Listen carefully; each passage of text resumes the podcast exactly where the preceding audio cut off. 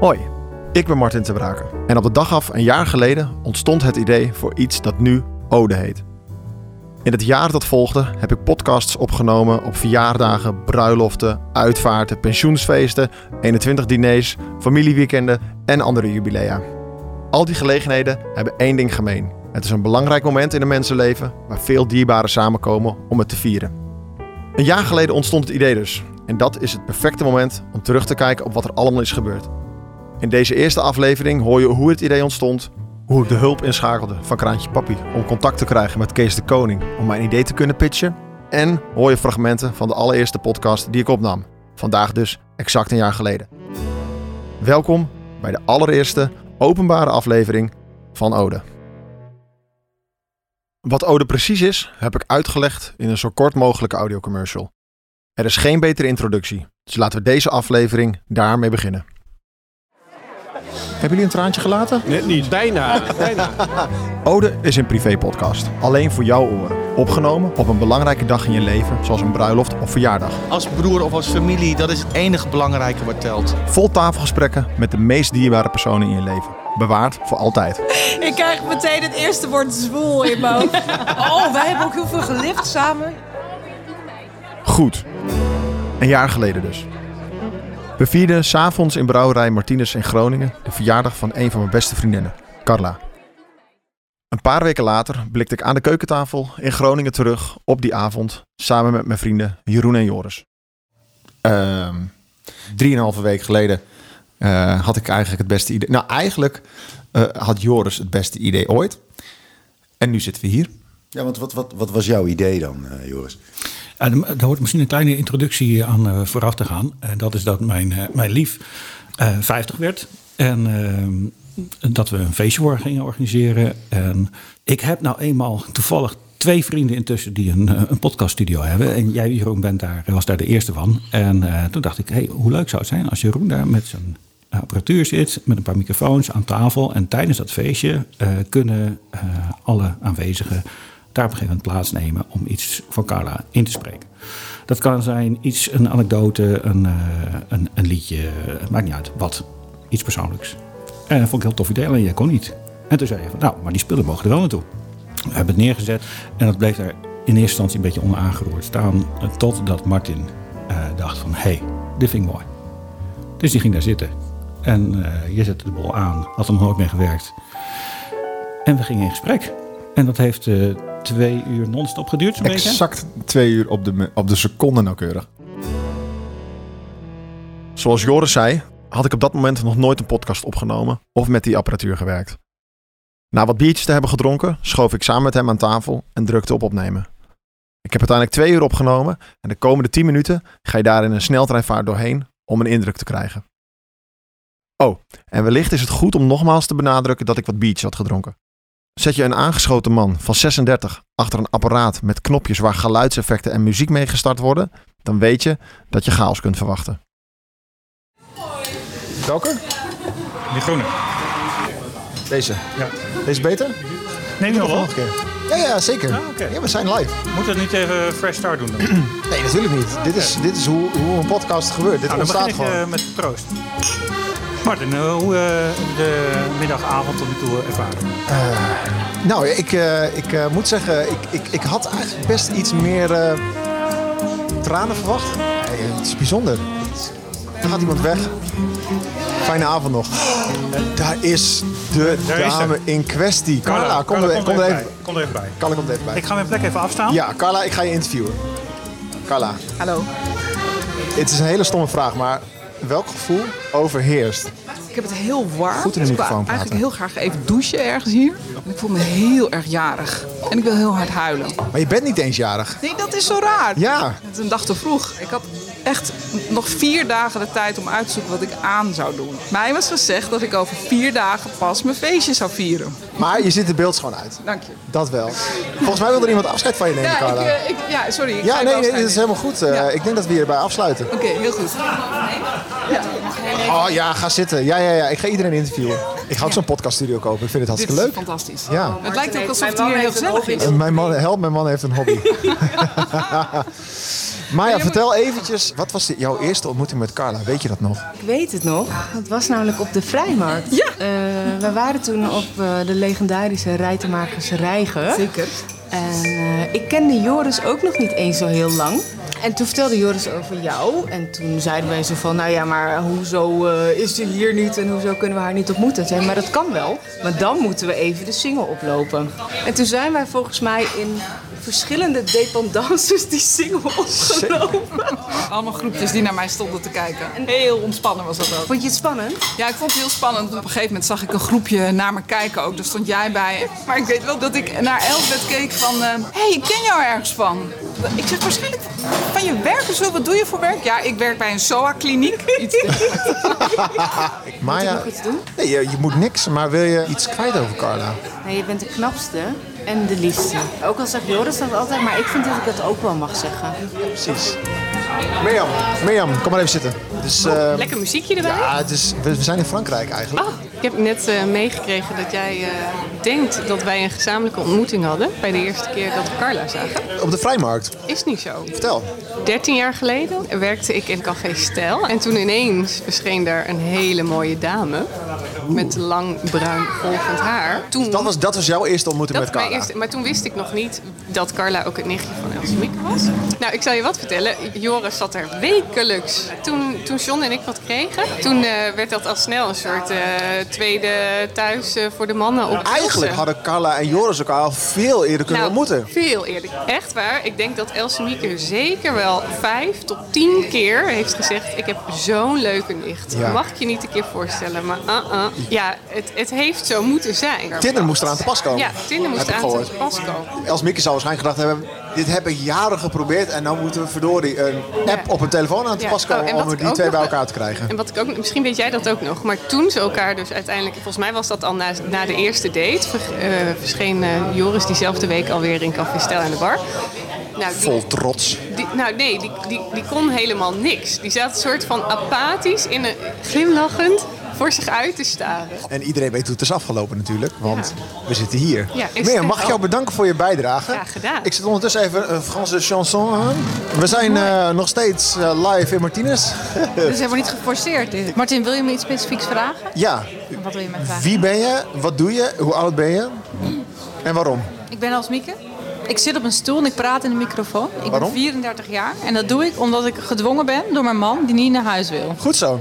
Hey, volgens mij ben jij de eerste eh, die aanschuift in de podcast. Die echt familie is van Carla. Ik ben echt familie van Carla, een volle nicht. Ja, volle nicht ook. Ik, ehm, Carla en ik zagen elkaar niet heel intensief, want we hebben natuurlijk ook best een leeftijdsverschil. En, eh, maar ik had altijd al, ehm, Carla zat altijd in mijn hoofd, want Carla was mijn grote nicht. En ik had altijd dat plaatje van, nou ja, zoals jullie Carla ook kennen, met het prachtige haar en die allermooiste glimlach van de hele wereld. Ja, dus klopt. Carla was in mijn hoofd echt een soort prinsessennicht. En ehm, nou ja, Matthijs en Joris eh, gingen veel met elkaar om en Joris eh, was single. En, en toen zei ik, ja, ik heb een nicht, maar ik weet helemaal niet zo goed wat haar relatiestatus op dit moment is. Maar nou ja, ik weet niet waarom, maar op een of andere manier dacht ik dat. Wat natuurlijk heel gek is, want ik heb nog nooit eh, iemand aan Carla geprobeerd te koppelen. Maar dat, dat zat gewoon in mijn hoofd. Toen heb ik er een afspraak met Carla gemaakt. Ik zei, goh, het wordt hoog tijd dat wij een keer gaan afspreken. En, maar al voordat de afspraak tussen mij en Carla plaatsvond, had er al een date tussen Carla en Joris plaatsgevonden. Want Ineens. Joris herkende de foto's op Tinder en die zei, hey, dat is het prachtige Swipen.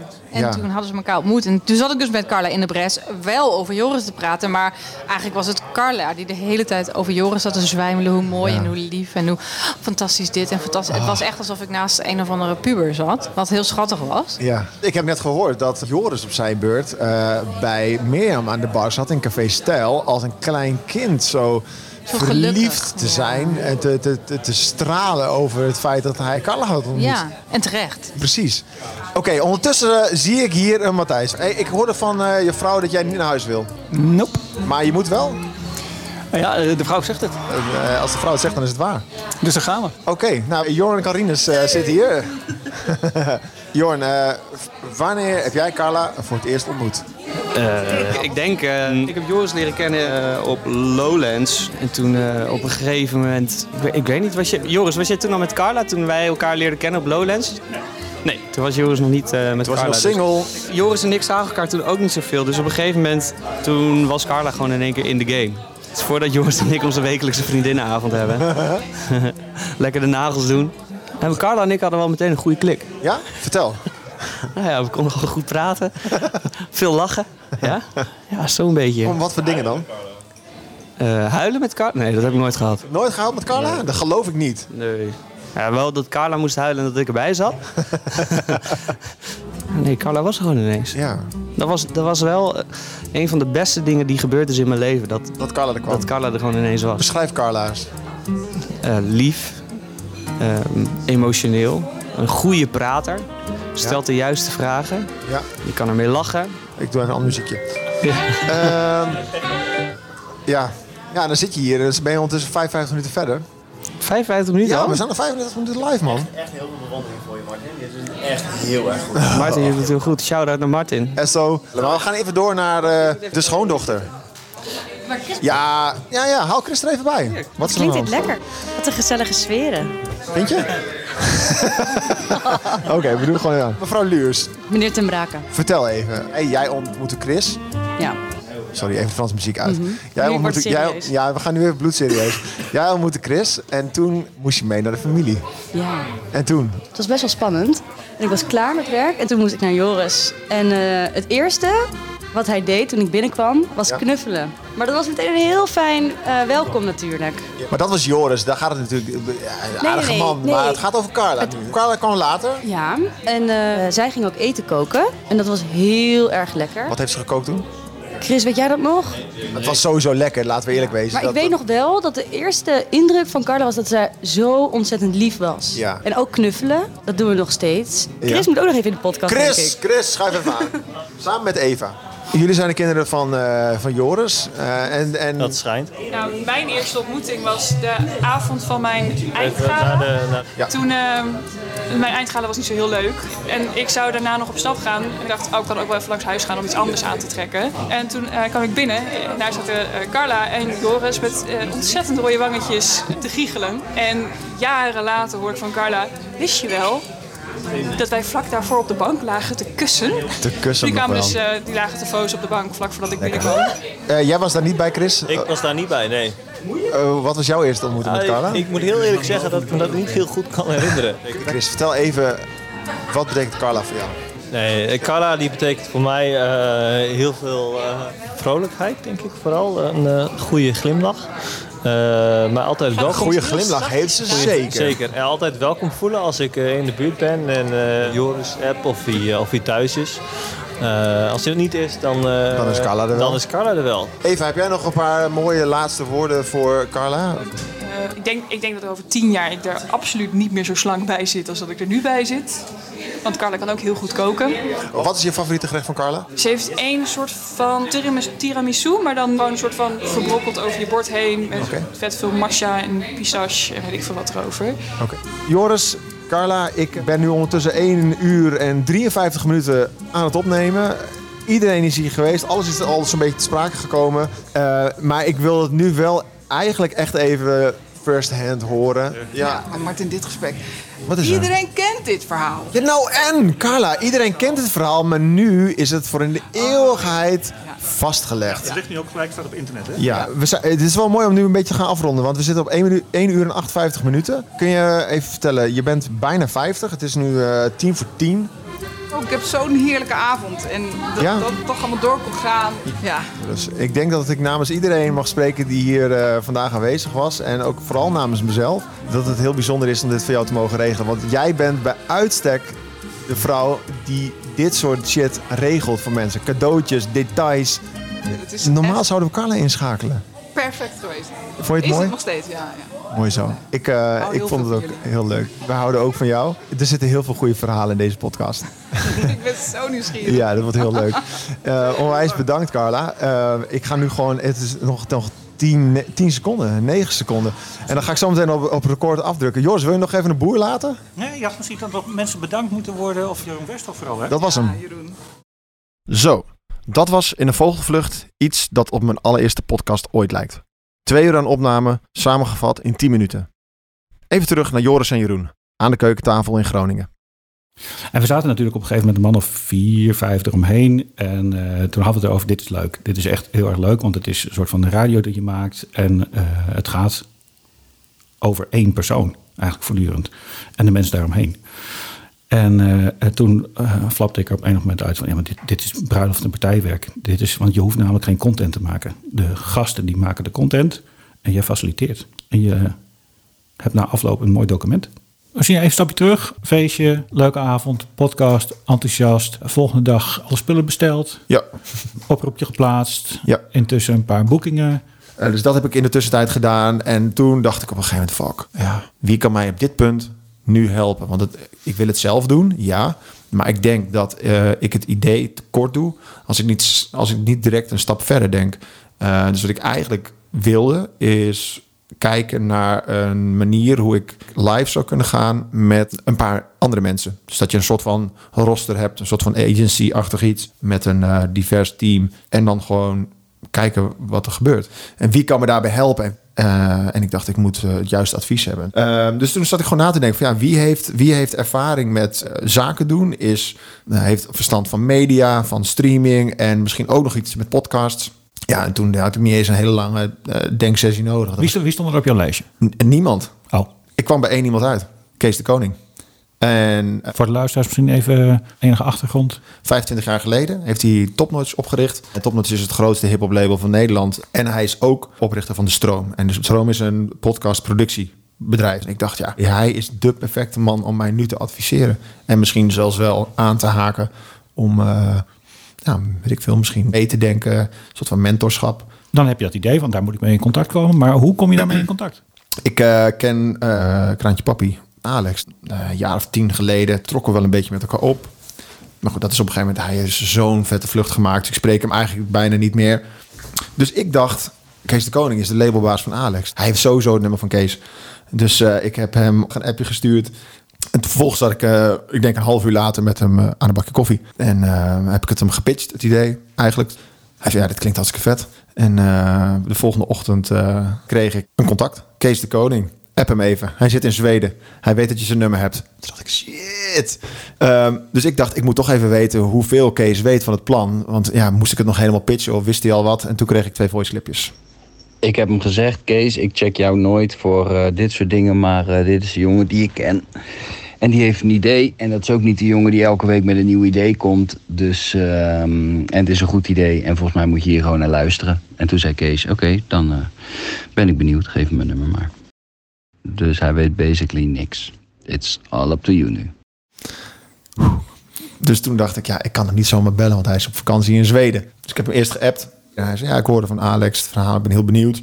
Toen uh, stuurde hij, ik heb je wel slechte verbinding, kan het misschien wachten tot volgende week? En toen heb ik wel in iets meer woorden eigenlijk verteld van, nee, ik kan niet wachten tot volgende week. Ik stond zo aan, eigenlijk al anderhalve week. Ik dacht, ik moet nu, ik zat gewoon op het punt, ik moet gewoon een, een nieuwe stip op de horizon hebben. Iemand waar ik mee kan sparren, whatever. En toen had ik dat verstuurd. En toen uh, zei Maya, heb je dat serieus nu tegen Kees de Koning gezegd? Dat je niet nog even een week kon wachten? Oké. En toen dacht ik eens, oh fuck. Maar goed, anyway, ik bel je over twee minuten. Of vijf. Maar in elk geval binnen 15. en uh, toen dacht ik, uh, toen vroeg Maya dus van, ben je zenuwachtig? Ik, ik was echt heel zenuwachtig. Ik heb ook een, ik heb het hele gesprek opgenomen, maar ook een minuutje daarvoor dat ik gewoon, dan hoor je aan mijn adem van, oh, ik ben zo zenuwachtig. Was het de eerste keer dat je hem sprak? Dat was de eerste keer dat ik hem sprak. Okay. Ja, ja, ja. Goedemorgen nog, Kees. Zo, ik kan je horen. Kun je mij ook horen? Hoi. Ja, hoor je mij ook goed? Oh, ja, luid en duidelijk. Daar zat ik dan. Ik had één keer in mijn leven een podcast gemaakt en zei tegen Kees de fucking koning, die notabene op vakantie was, dat ik anderhalve week nadat het idee ontstond, niet nog een week wilde wachten. Zoals ik aan het begin van de aflevering al zei, heb ik het afgelopen jaar privé-podcasts gemaakt over personen op allerlei bijzondere dagen. Waar de volledige podcasts in de basis privé zijn, heb ik toestemming gekregen om een aantal gesprekken openbaar te publiceren. Je hoort in de komende afleveringen dus voorbeelden van hoe een ode uiteindelijk klinkt, maar ik vertel ook meer over hoe het afliep met Kees, over dat ik binnen een maand nadat het idee ontstond mijn baan na 14 jaar heb opgezegd en dat ik in no time verhuisd ben van Groningen naar Amsterdam om deze droom na te jagen. Klinkt het tof en wil je meer weten? Check dan www.odepodcast.nl. Volg ons op de bekende podcastplatforms en social media om niks te missen.